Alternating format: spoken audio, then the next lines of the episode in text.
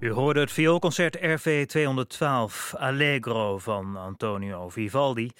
En daarvoor het onmiskenbare Allegro uit een kleine nachtmuziek. Uitgevoerd door de New London Soloist Ensemble onder leiding van Ronald Thomas. Muziek was dat van Wolfgang Amadeus Mozart. De dominee komt voorbij. Vandaag de overdenking van Jan Dirk de Bruin. Woont op de Veluwe, is predikant bij de krijgsmacht, werkzaam op het hoofdkwartier bij het elitekorps van de landmacht, de luchtmobiele brigade en drager van de Rode Baret. Een hoop onrust in de wereld, momenteel door de gebeurtenissen in Oekraïne. Ik vroeg hem eerder deze week hoe hij dat zelf ervaart. Uh, goedemorgen Marcel. Ja, de onrust in de wereld raakt ons allemaal en dat kan ook niet anders, zo dunkt me.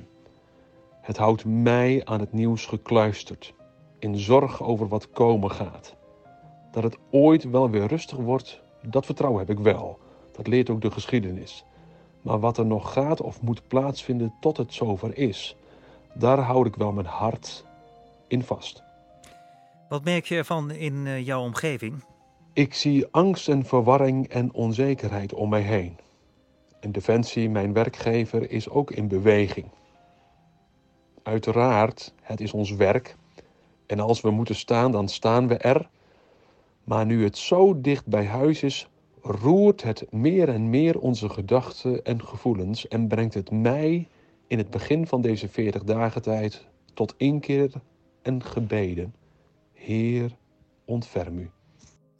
Waar gaat de overdenking van vandaag over en uh, waarom heb je daarvoor gekozen? De pandemie is nog niet verdwenen. Maar alles wat wij daarin van waarde en daarbij belangrijk vonden, ja, verbleekt bij datgene waar het nu over gaat. Niemand had toch voor mogelijk geacht dat wij in Europa verzeild zouden raken in een situatie waarin Oost en West tegen elkaar zouden opstaan er wapens kletteren, er onschuldige doden vallen en mensen verdreven worden van huis en haard. Waarbij in de oude generatie de herinneringen aan de jaren 40, 45 worden opengereten. Het blijkt wel, zoals ik al wel vaker heb gezegd, dat een oorlog beginnen niet zo moeilijk is. Maar hoe vinden we het einde daaraan? Vrede en veiligheid is dan niet zo vanzelfsprekend. En soms verlang ik nog even weer terug naar mijn jonge tijd, hoewel ik realiseer dat ook toen daar niet alles pais en vree was. Als ik kijk naar de toekomst, vraag ik me af in wat voor wereld ik mijn nageslacht achterlaat. De pandemie, als ook de huidige situatie in de Oekraïne, maken mij onmachtig. Ik heb er geen invloed op. Het is door mij niet om te keren. Laten we snel naar de overdenking luisteren. Ik ben groot geworden, ook ergens met de verhalen over en van wat we theologisch de eindtijd noemen. Die verhalen die dringen zich in zo'n tijd als dit aan mij op. In flarden ja, passeren ze mijn gedachten. Ik ben niet zo heel zwart-wit, 70 jaar na Christus veronderstelde men ook al dat de eindtijd was aangebroken. Maar ik zelf ontkom er niet aan om mij soms hardop af te vragen of dit de tijd is waar het in die verhalen over gaat.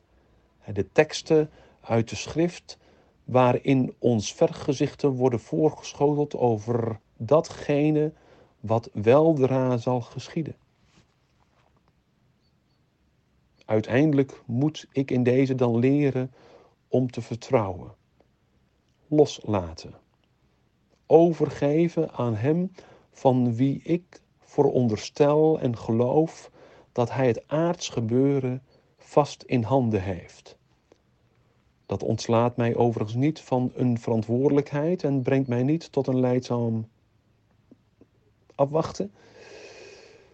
Uh, Uiteraard ben ik verantwoordelijk voor datgene wat op de vierkante meter van mijn bestaan gebeurt.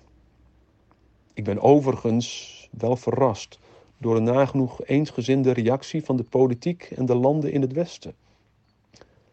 Al vraag ik me soms ook af of deze eensgezindheid ons nu verder helpt. Vooralsnog is er geen oplossing en lijkt die verder weg dan ooit. Mijn hoop en mijn gebed samen met u is dat in het begin van deze 40 dagen tijd er wellicht opnieuw schoorvoetend je vertrouwen mag groeien dat met oog op Pasen licht sterker is dan het duister en liefde sterker is dan de haat en het leven het uiteindelijk overwint van de dood. Ik wens u een fijne zondag.